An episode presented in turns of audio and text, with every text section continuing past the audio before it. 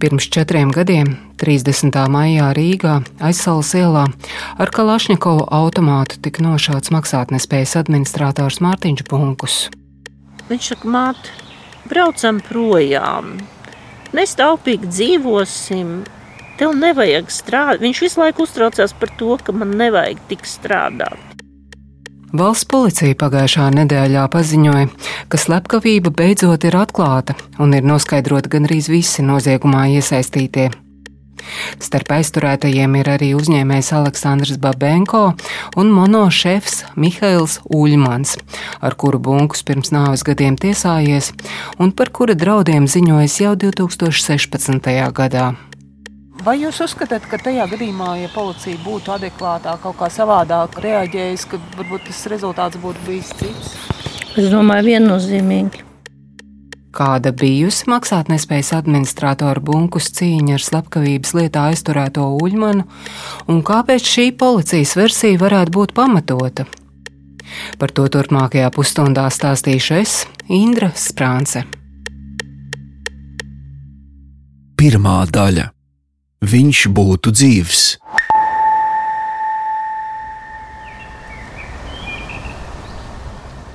Ir darba dienas pēcpusdiena Rīgā, Meža kapos. Latvijas valsts pirmā prezidenta Jāņa Čakstes pieminekļa pakājē, otrpus celiņam atrodas kapa vieta ar prāvu temīdas svariem līdzīgu kapa pieminekli vidū. Pie tās rosās neliela auguma pusmūža sieviete. Viņu sauc Dace Bunkusa.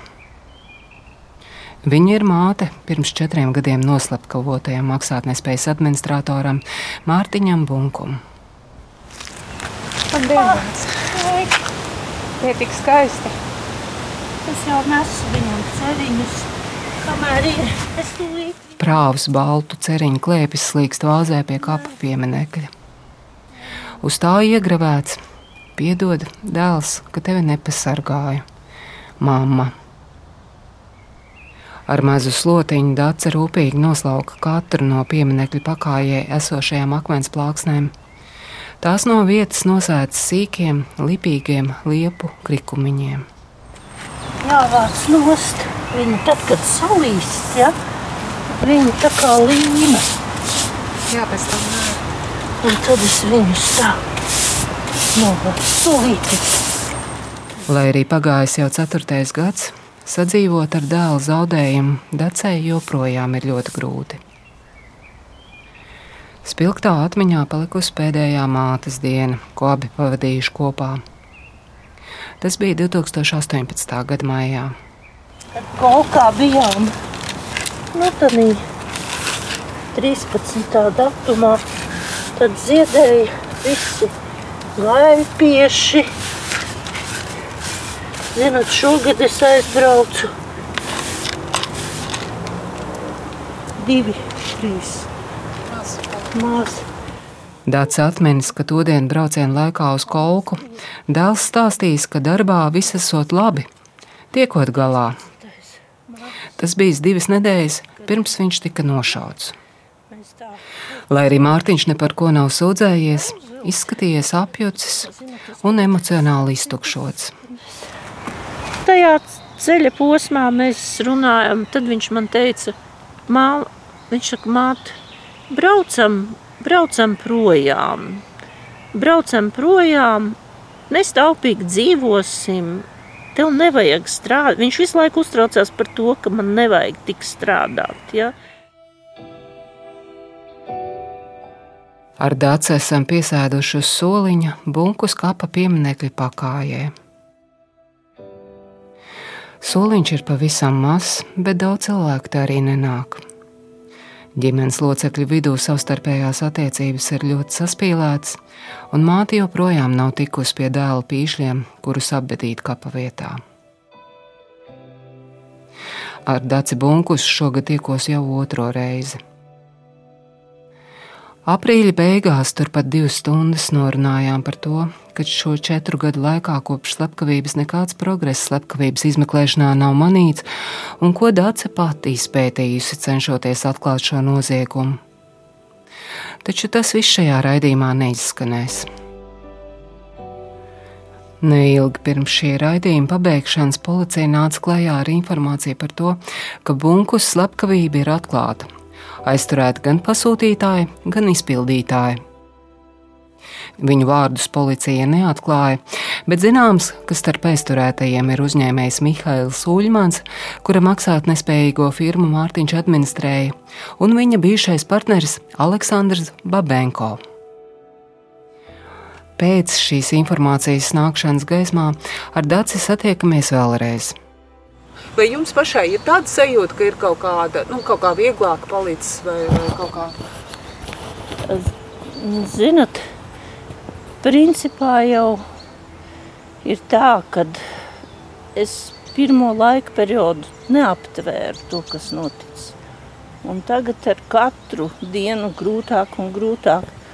Un tas, tas paziņojums, kas nāca, es biju pārliecināts, es, to visu laiku arī nu, teicu, un viss, ka tie cilvēki, visi pasūtītāji un visi organizatori, viņi atrodas šeit. Ja? Es pieļāvu iespēju, ka varbūt nu, šie izpild, nu, izpildītāji šāvēji atrodas kaut kur citur, bet par pārējo es biju pārliecināta. Un kādas man bija sajūtas? Man bija tāds sastingums, pārdomas. Es jutos satraukti, atvieglota, ne tādā ziņā atvieglota, bet kad sāksies cits posms, jo Mārtiņa jau nekas neatgriezīs atpakaļ. Ja? bet cilvēkiem ir jāsaņem sots. Tas, kā aizdomās par slepkavību aizturēts Uļmans, ar kur Mārtiņš tiesājies, Daci nav pārsteidzis. Šī versija visu laiku ir bijusi starp pirmajām trīs slepkavības pamatversijām. Es ļoti analizēju visu, un, un viņš bija viens no trīnieka, jo uh, es apzinājos, ka uh, Trasta Komercbankā tur ir citas lietas. Ja? Tas ir citas lietas, par kurām es vēlos runāt, un kuras es vēlos, lai neturpinātos tā un, un tiktu izmeklētas. Bet to man Mārtiņš teica, kad, nu, un es arī sapratu, ka viņš ļoti piesardzīgi uz visu gājumu. Nu, šeit jau mēs arī to varam redzēt šī cilvēka agresivitāte, šī nevēlēšanās, šī visatļautība. Ja? Es domāju, viennozīmīgi šai ķēdē būs iesaistīta arī politiskās figūras. Dāce uzskata, ka atbildība par notikušo jāuzņemas nevien tiem, kas pastrādāja noziegumu, bet arī tiem, kas nereaģēja uz Mārtiņa sniegto informāciju. Viņš jau 2016. gadā bija vērsies pie tiesību sargiem par draudiem no Uļmana puses. Valsts principā atņēma man Mārtiņu, jo iesaistīti ir, ir nu, cilvēki, kas kavēja visu, kas arī 16. gadā nu, to visu uh, nu, nereaģēja. Visas šīs iestādes, Vai jūs uzskatāt, ka tajā gadījumā, ja policija būtu adekvātāk, kaut kā savādāk reaģējusi, ka varbūt tas rezultāts būtu bijis cits? Es domāju, viennozīmīgi. Un šeit jau mums ir jāsaka, ka tas ir politiski fuktuks, neko nezinu, pārbaudošas iestādes nav. Bankā notiek tas, kas notiek, nu, kā jau arī Mārtiņš minēja. Knābā nekas nav. Turpinās šis pats vadītājs, kas nespēja vadīt, turpina vadīt. Policijā nekas nav. Neviens politiķis neatbild ne par ko. Ne par ko. Viņš būtu dzīvs. Dācis stāsta, ka labi atceras to periodu 2016. gadā, kad dēlam bija draudēts. Viņš ļoti mani sargāja no visām šīm lietām, ja, jo es, man bija vienmēr daudz darba arī. Viņš pie manis tajā dienā atnāca ar puķiem. Nu, viņš kā no darba bija ienācis. Un es atceros, kā viņš sēdēja. Viņš pēkšņi teica, Mēs par kaut ko runājām. À, es viņam jautāju, nu, es, es viņam par to, nele, nu, par to mašīnu. Saku, bet viņš saka, bet man jau vairāk nekā nav. Dācis pieminētā automašīna ir luksus klases spēkrats Aston Martin. Tā ir ļoti dārga automašīna, kuras cena tirgū var sasniegt vairākus simtus tūkstošus eiro. Māte pārmetusi dēlam šādu dārgu rotaļlietu. Un tajā reizē es viņam prasu, es saku, Mārtiņ, kur tā mašīna ir? Ja? Jo man visu laiku nedēļu mieru. Viņš man saka, pārdevu.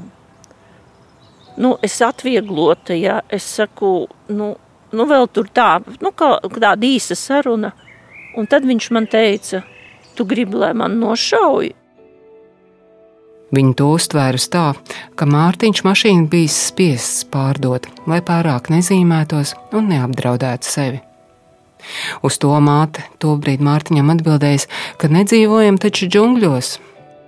Kā jūs nu, tagad raksturot, mēs dzīvojam? Mēs dzīvojam, jā, mēs dzīvojam džungļos. Mēs dzīvojam šausmīgi korumpētā valstī, kur ir, nu, es domāju, kad varam salīdzināt ar kādu no kokaīna um, lielvalstīm, kur, kur cilvēkam nav droši. Dācis uzskata, ka policijas kavēšanās atklāt šo noziegumu varētu būt saistīta ar apstākli, ka augstā amatā valsts policijā ilgus gadus atradies Andrejs Sozinovs. Viņš līdz pat 2020. gada nogalē bijis krimināla policijas pārvaldes priekšnieka amatā, un viņa valsts amatpersonas deklarācijās par laika periodu no 2009. līdz 2011. gadam redzams, ka prāvus papildus ienākumus viņš guvis Uļmanam daļēji piederošajā Latvijas pasta bankā. Tātad pie cilvēka, kurš tagad aizturēts slepkavības lietā, Es domāju, ka tas ietekmēja, kad uh, Sazino kungs bija amatā.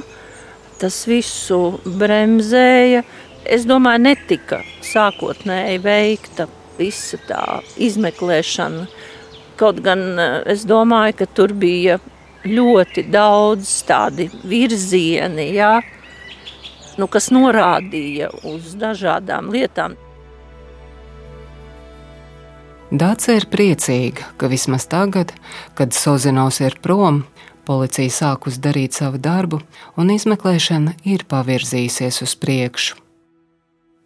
Viņi sekos līdzi, lai vainīgie tiktu saukti pie atbildības un tiktu konfiscēti arī noziedzīgi iegūtie līdzekļi.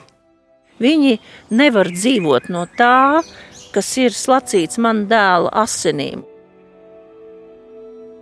Uzņēmējs Uļmans gadiem minēts starp bagātākajiem Latvijas iedzīvotājiem, un Dace solās rūpīgi sekot līdzi, lai turība netiek paslēpta. Visa šī mazā valsts sastāv no bagātām omītēm, bagātiem bērniem, bagātām emmastantēm, ja? un mēs nedzirdam nevienu, kur, ja viņš ir jurists, tad viņš ir jurists, nevis tur ir bombzis, ja?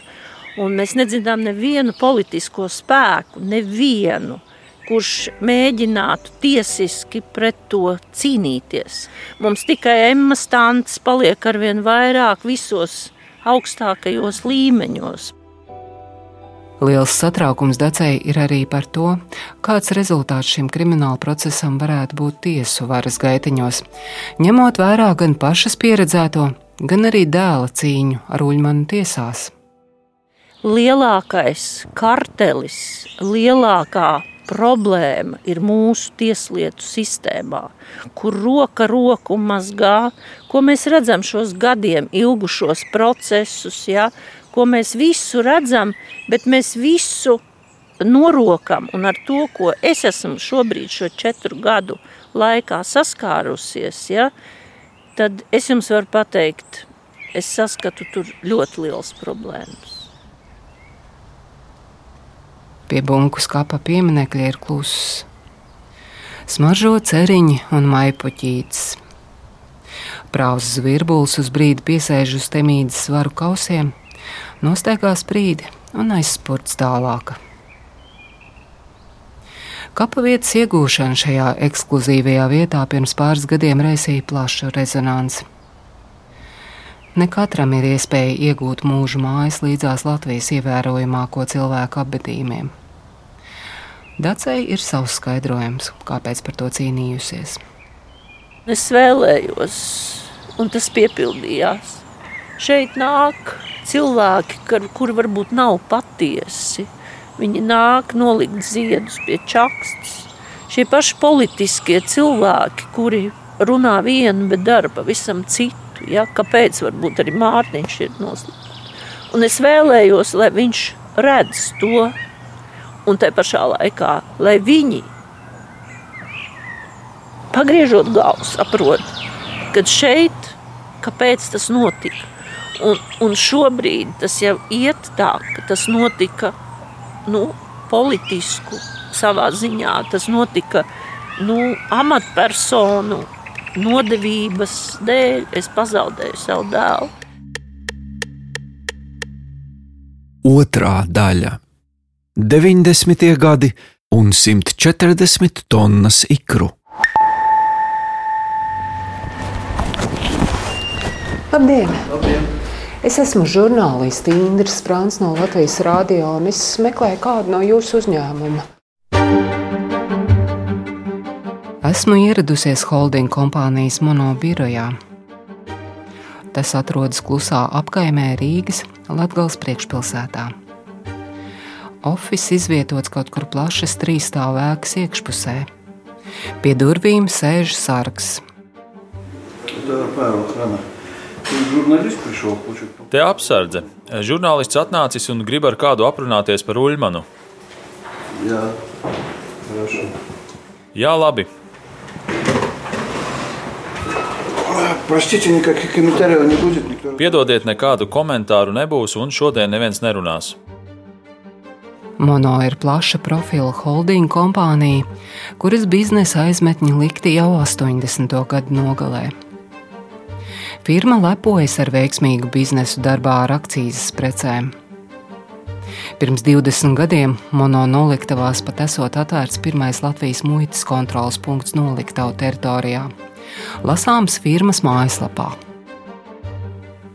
Uzņēmuma dibinātājs un priekšsēdētājs ir Mihails Uļmans, kuru tiešā uzraudzībā jau vairāk kā 20 gadus esot tādi monobiznesa virzieni kā finanšu un muitas pakalpojumi, mazumtirdzniecība, loģistikas un noliktavu serviss un tieši Uļmans ar savu līdzgaitnieku Aleksandru Babenko šobrīd ir aizturēti un apcietināti Mārtiņa Bunkas slepkavības lietā.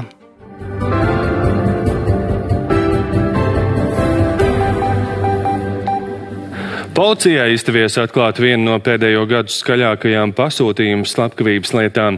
Šodien aizturētas vairākas personas saistībā ar 2018. gadā pastrādāto advokāta, maksātnespējas administratora Mārtiņa Bunku slepkavību. Uļmana vārds saistībā ar bunkus slepkavību, kā viena no versijām figurēja jau kopš pirmās nozieguma dienas. Iemesls tam ir bunkus un Uļmana saķeršanās maksātnespējīgā pārtiks vairumtirgotāja Rego Trade lietā. Šī firma par maksātnespējīgu atzīta iepriekšējās ekonomiskās krīzes laikā 2008. gadā.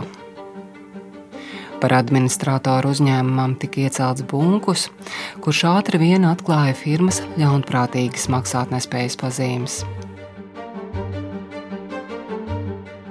Īsi pirms regotreida maksātnespējas pasludināšanas uzņēmums bija pārdots ārzonas kompānijai. Valdē iecelti bezpajumtnieki, bet iepriekšējie valdes locekļi turpinājuši operēt ar bankas kontiem, veikuši pārskaitījumus ar fiktīvu darījumu pazīmēm, no firmas aizpludināta nauda un slēpti aktīvi.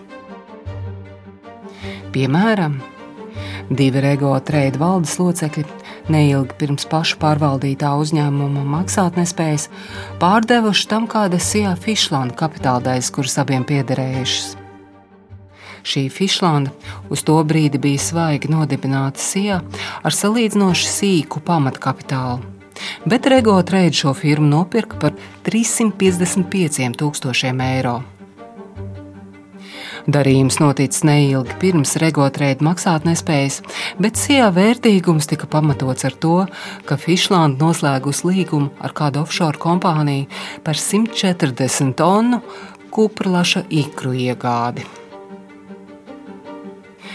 Bunkus arī bija noskaidrojis, ka valdes locekle šai firmai, kas it kā bija noslēgusi milzīgo ikru iegādes darījumu, amatā iecelšanas brīdī sēdējusi īļģu ciemu cietumā. Šī valdes locekle arī neko nesot zinājusi ne par savu amatu firmā, nedz arī par 140 tonu ikru pirkšanu, bija noskaidrojis Bunkus.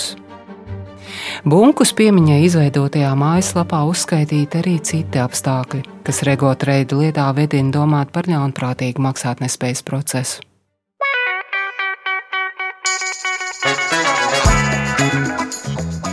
Uzņēmumu iztukšošana, aktīvu paslēpšana, izvairoties no parāda došanas valstī un citiem kreditoriem, daudzus gadus Latvijā bija visai ierasta prakse. Auditoru kompānija Deloitte savulaik bija aplēsusi, ka ļaunprātīgos maksātnespējas procesos Latvijā laika posmā no 2008. līdz 2014. gadam ekonomika zaudējusi 665 miljonus eiro. Šīs maksātnespējas schēmas esmu pētījusi jau kopš 2012. gada, un bunkus vēršanās pret Uļmanu bija viens no retajiem man zināmajiem gadījumiem, kad maksātnespējas administrators mēģināja tiesiskā ceļā vērsties pret maksātnespējas schēmotājiem. Bunkus bija gan rosinājis kriminālu procesu par apzinātu regotreidu nolišanu līdz maksātnespējai, gan civiltiesiskā kārtā vērsies pret uzņēmumu valdi. Krimināla process vēlāk tika izbeigts noilguma dēļ, savukārt tiesās bunkuma sākotnēji veicās. Izejot pilnu apli visās tiesu instancēs, viņam pat izdevās panākt 700 tūkstošu eiro piedziņu no Uļmana par labu maksātnespējīgiem uzņēmumam. Taču Tas bija uz īsu brīdi. Nepilnu nedēļu pirms viņa nošaušanas šajā lietā notika nozīmīgs pavērsiens. 2018. gada 24. maijā augstākā tiesa, izskatot Uļmana un citu valdes locekļu sūdzību, nolēma, ka lieta atkal no jauna jāatgriež izskatīšanai tiesā. Pamatojums saistībā ar jaunatklātiem apstākļiem. Šie jaunatklātie apstākļi, kas kalpojuši par pamatu šādam lēmumam, bija informācija, ka Bunkus tiesvedības procesa laikā nesot sniedzis skaidru atbildi par kādu dokumentu atrašanās vietu. Lūk, fragments no tiesas sprieduma.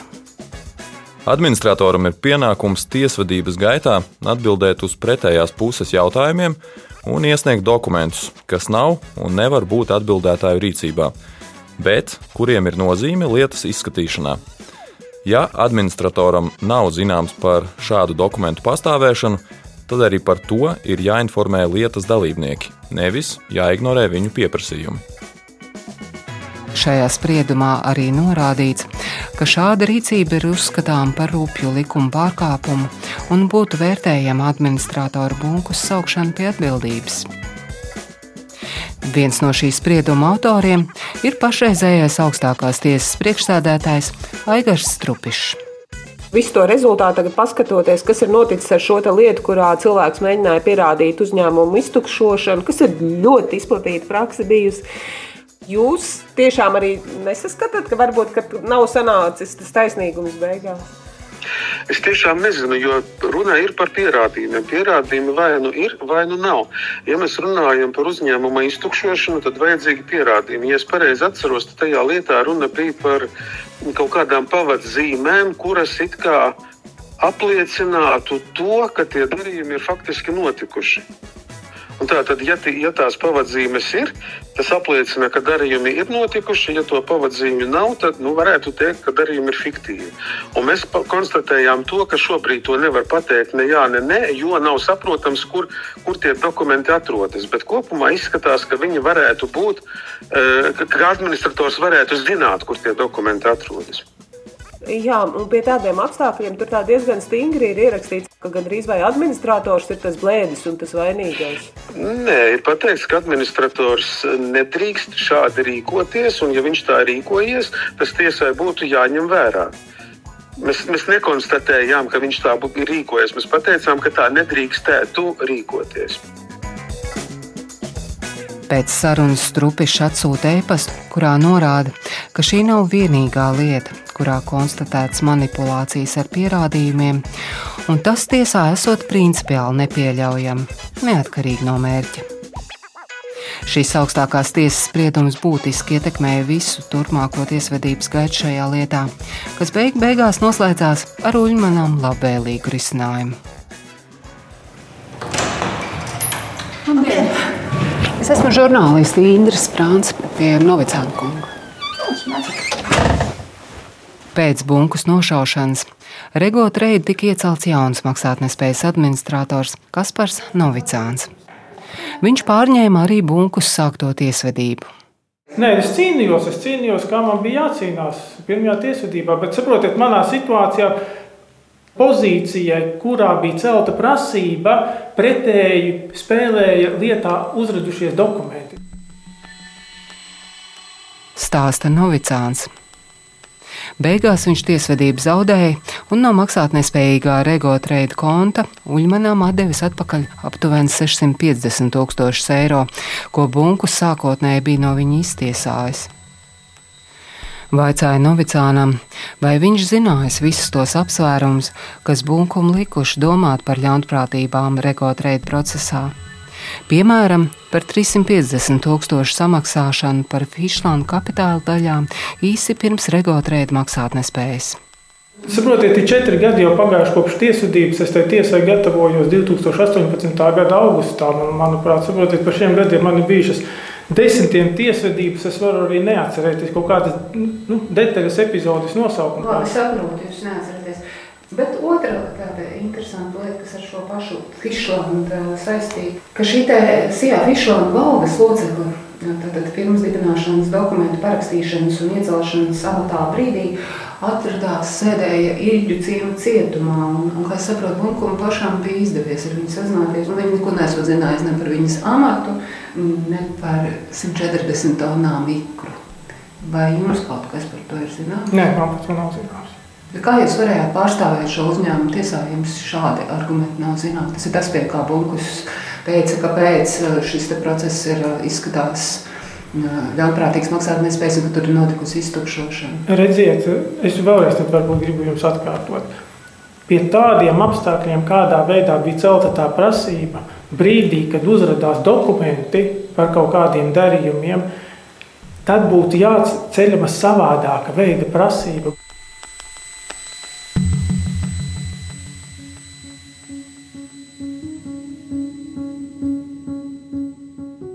Gatavojot šo raidījumu, Latvijas rādio nav bijis iespēja uzzināt, kāda ir policijas versija, kas ir bijusi par pamatu Uļmana un Babenko aizturēšanai bunkas slepkavības lietā. Sīkāka informācija par lietas apstākļiem valsts policija sola tuvāko nedēļu laikā. Tomēr lūdzu tiesības sargus komentēt ģimenes locekļu paustās bažas par to, ka izmeklēšana valsts policijas iekšēnē varētu būt kavējis vai citādi ietekmējis Andrejs Sozinovs, laikā, kad viņš vadīja valsts policijas krimināla policijas pārvaldi. Saprotam jūsu interesi, taču aizvien paliekam pie tā, ka šobrīd neko vairāk nekomentējam saistībā ar bunkus lietu un no tās izrietošiem jautājumiem.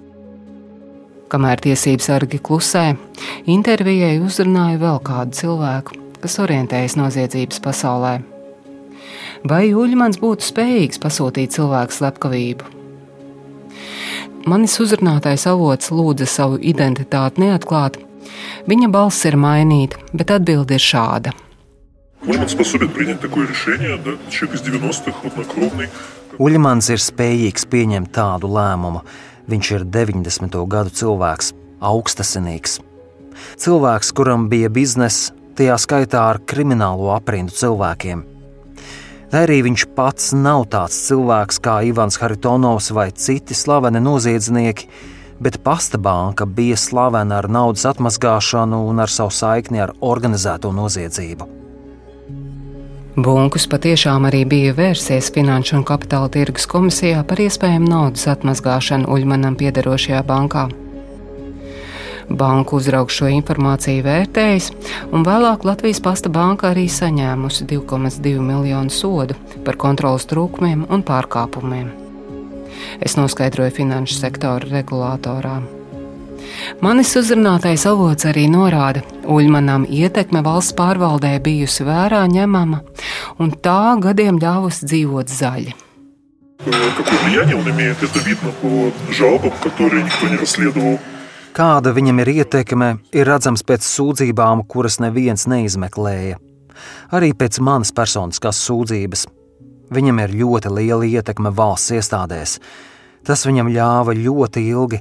Kad tu esi tik ciešā saiknē ar valsts dienestiem, tad kādā brīdī liekas, ka tu drīksti visu, un viņš vienkārši nolēma viņu nogalināt. Bet līdz tam viņa tika turēta aizdomās par mačugīna slepkavību. Mačugīns ir bijušais partneris, ar ko kopā darbojās metāla biznesā. Mačugīna slepkavība tā arī palika neatklāta. Avotu pieminētais Uļmana partneris ir bijušais mono viceprezidents Valērijas Mačūgins. Viņš kopā ar modeļa aģentūras Natāliju vadītāju Natāliju Meisāni tika noslepkavoti 1996. gada septembrī. Abi tika sašauti kādas dzirnavu ielas mājas pagalmā.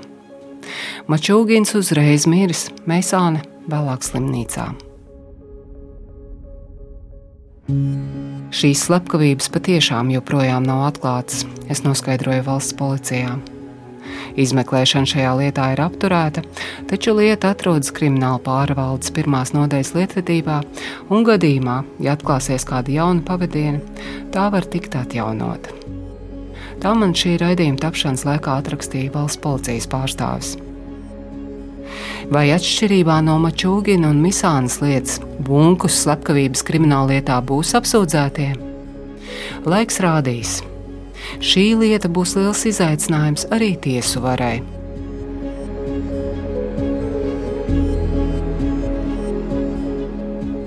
Raidījumu veidoja Indra Sprānce, Filips Lastovskis un Rēnis Budze. Atvērtie faili!